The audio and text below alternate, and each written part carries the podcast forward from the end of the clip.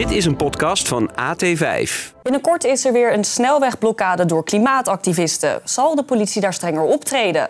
En het stadsbestuur wil religieuze uitingen bij handhavers toestaan, maar schendt dat niet de neutraliteit. Welkom bij het gesprek met de burgemeester.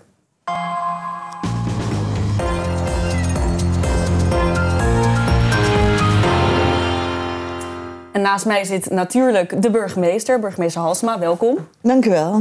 Drukke week achter de rug volgens mij. Ja, het was een drukke week. Ja, vorige, ja. gisteravond ook nog tot laat gedebatteerd. Ja, tot een uur of uh, elf Ja. volgens mij debat gehad. Ja, Over het erotisch centrum. En de zaal werd ontruimd ook. is dat de eerste keer voor u? ja ik eh, eh, pff, geloof het wel, ja.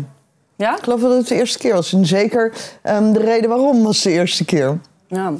Uiteindelijk viel het gelukkig wel mee. Het was Ja. inderdaad een storend apparaatje. En het lijkt erop dat u in ieder geval verder kunt met de plannen voor het erotisch centrum. Bent u blij? Ehm, nou, weet u, de, het is een stapsgewijs en een vrij praktisch besluit. We gaan nu gewoon kijken. Ehm, ik denk dat een meerderheid van de raad steun geeft aan de locatiekeuze. Maar nou moeten we kijken of het betaalbaar is, of het haalbaar is, of het, of het ja, daar ook echt kan gaan plaatsvinden. Dus het is nog lang niet zover. Zeker. Deze week maakte u ook bekend dat u religieuze uitingen bij handhavers, toezichthouders en de brandweer wil toestaan. Hoe bent u tot die beslissing gekomen? Nou, wij hebben al een aantal jaren geleden een motie van eh, de gemeenteraad gekregen met het verzoek om na te gaan of het mogelijk was. Daaruit sprak de wens van de gemeenteraad bij meerderheid om het mogelijk te maken. Ehm, wij hebben dat een beetje laten sudderen, ook omdat we natuurlijk de opvatting van de minister kennen. Ehm, en weten dat er landelijk eh, weerstand tegen is. En tegelijkertijd is er in de stad wel behoefte aan en ook een democratische meerderheid. Inmiddels hebben Arnhem, Tilburg, Utrecht, Den Haag. Daar stappen in gezet. En toen heb ik de knoop op mijn jas geteld en gedacht, eh, samen met onze wethouder eh, personeel, ehm, dat het tijd is dat wij ook die stap zetten. Wij hopen natuurlijk dat hiermee ook eh, moslimvrouwen de stap zetten om handhaver te worden. U zei het net zelf ook al, een meerderheid van de Tweede Kamer en ook de missionair minister Jezilgus is tegen. Waarom dan toch ermee doorgaan? Omdat het een lokale verantwoordelijkheid en bevoegdheid is. Dit gaat om gemeentepersoneel. Wij denken ook dat dit in overeenstemming is met de representativiteit in de stad. Er wonen veel eh, moslimvrouwen in Amsterdam die ook carrières willen, de arbeidsmarkt op willen, maar die ook gerespecteerd willen worden in hun geloof. En wij denken dat we daarmee eh, daaraan tegen, tegemoet komen. Zijn er dan ook signalen vanuit de handhavers, toezichthouders en brandweer zelf dat zij hier zelf behoefte aan hebben? Nou, dat is eh, nogal moeilijk om vast te stellen, omdat op dit moment natuurlijk gesluierde vrouwen niet in de geuniformeerde dienst zitten. Dus die signalen zijn er niet, want ze nemen nog geen deel. Ja. Ik heb ook even de richtlijn uitgeprint over de neutraliteit bij BOA's. Door uh, Jezilgus, minister Jezilgus. En daar staat echt letterlijk in dat de werkgever van de BOA's de verantwoordelijkheid draagt voor de uitvoering van deze richtlijn. Dat bent u en u gaat er dus echt fel tegen in. Nee, ik ga er niet fel tegen in. Ik geef uitvoering aan een motie van de Raad. Ik ben het overigens ook echt hiermee oneens. Dat is ook wel even goed om op te merken. Omdat ik denk dat neutraliteit heel goed gecombineerd kan worden. Eh, mensen leggen een eed af. Mensen zijn professioneel opgeleid. En onze scheiding tussen eh, kerk en staat in Nederland is, al, heeft, is niet vergelijkbaar met de Franse. Waarin betekent dat alles weg wordt gehouden uit de publieke ruimte. Maar betekent dat wij accepteren dat het verschillende domeinen zijn waarbij er ook enige vrijheid bestaat. Ook bijzonder onderwijs in Nederland. Met Prinsjesdag wordt er ook eh, eh, een bede, wordt geëindigd met een bede.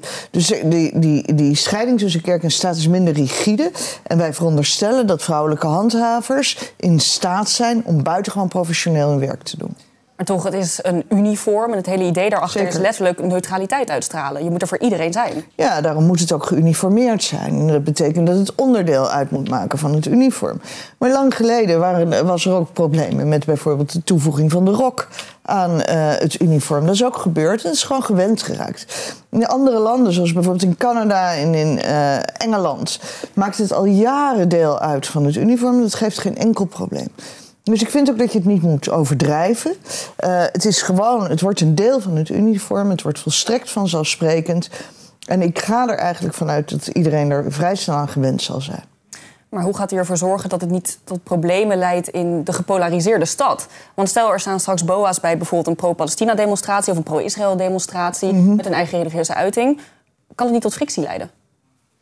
Nee, dat lijkt mij niet. Omdat alle BOA's en alle politieagenten, overigens geldt alleen voor uh, BOA's, um, zijn professioneel opgeleid. Um, je ziet aan mensen hun uh, etniciteit. Je ziet vaak aan mensen hun achtergrond. Je ziet hun seks. En wij veronderstellen dat ongeacht al die persoonskenmerken, al die uh, culturele overtuigingen die mensen hebben, dat ze professioneel hun werk doen. Dat is nu ook het geval. U had het net inderdaad over de politie. Ik weet, u gaat er niet over. Nee, maar stel dat het wel zo, zou je dan Althans, ik ga niet over hun kleding. Ik heb wel gezag over hun handelen. Ja, over die kleding inderdaad. Uh, zou je het liefst zien dat de Amsterdamse politie dit ook kan doen? Nou, kijk, hier gaat de minister over. En ik laat deze beslissing nu even bij haar. Dat lijkt me beter. U weet nog niet wanneer het uh, ingevoerd zal worden. Maar als dat zo is, gaat, er dan ook, gaat het gemonitord worden? Wat de effecten zijn van de religieuze uiting? Nee, want het is een principiële keuze die je maakt. En dat is dus niet iets wat afhankelijk is van allerlei praktische overwegingen. Wij staan er toe. Wij vinden dat vrouwen de ruimte moeten hebben om met hun geloof op de arbeidsmarkt actief te zijn. Wij vinden dat de hoofddoek moet worden beschouwd als een onvervreemdbaar deel van de identiteit van vrouwen.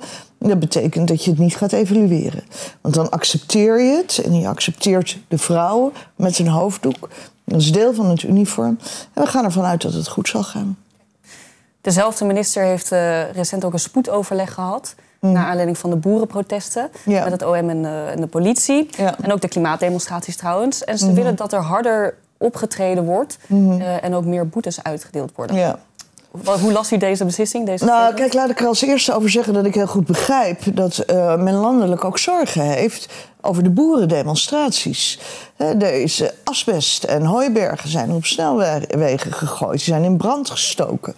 Um, dat, dat zijn gewoon misdrijven. Dat, is echt, dat zijn geen vreedzame blokkades meer. Dat is veel agressiever. Dus dat men daar grote problemen mee heeft, dat men eigenlijk wil dat het Openbaar Ministerie daar sterker in optreedt, dat begrijp ik. En tegelijkertijd denk ik dat het wel uh, van belang is om de bestuurlijke verhoudingen daar zuiver in te houden. De lokale driehoeken hebben het, uh, de, dragen de verantwoordelijkheid bij demonstraties. Wij nemen die verantwoordelijkheid bijvoorbeeld bij de A10 buitengewoon serieus. Wij zijn daarbij beperkt in, uh, door wet en regelgeving en internationale jurisprudentie. Met die beperkingen, dus de beperking van de demonstratievrijheid en de jurisprudentie, proberen wij zo goed mogelijk te opereren en de snelweg zo snel mogelijk weer vrij te hebben. Ja. Maar het is ook de minister en die kan best wel aanwijzingen geven aan het OM over vervolging. Dat is niet alleen maar lokaal dan. De minister kan een aanwijzing geven aan, um, het, aan het landelijk openbaar ministerie. Um, dat kan ze inderdaad doen. Tegelijkertijd is het de um, hoofdofficier van justitie die onderdeel maakt van de driehoek, die uh, de specifieke beslissingen neemt ten aanzien van vervolging ja. bij een demonstratie. Nou, maar kijk, wat mij toch belangrijker lijkt om te zeggen... op het moment dat er misdrijven gepleegd worden... dan begrijp ik heel erg goed, en daar ben ik het ook mee eens... dat er stevig moet worden opgetreden. Het ingewikkelde bijvoorbeeld bij Extinction Rebellion... en bij andere blokkades, is dat die vreedzaam zijn.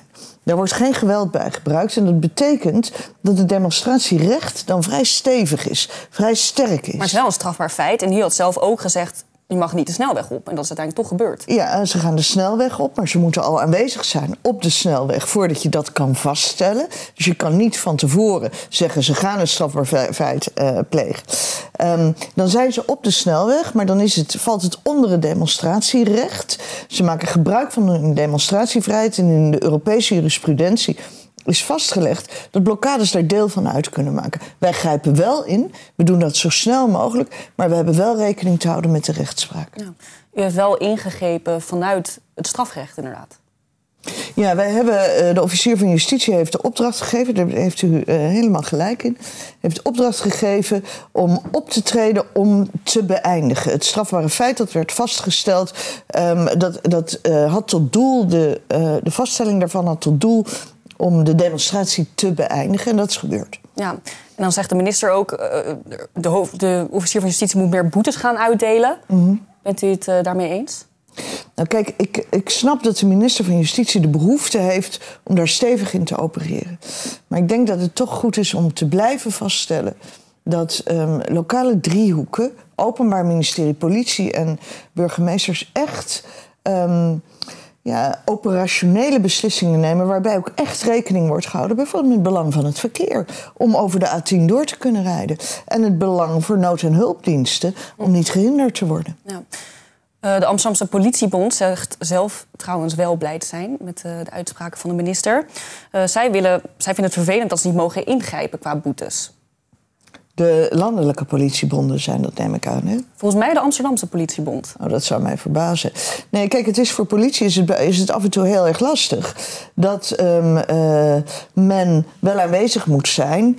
En dan even moet wachten voordat men ingrijpt. We hebben natuurlijk bij de vorige uh, blokkade toch ook vrij snel ingegrepen. En heeft de politie hen ook verwijderd.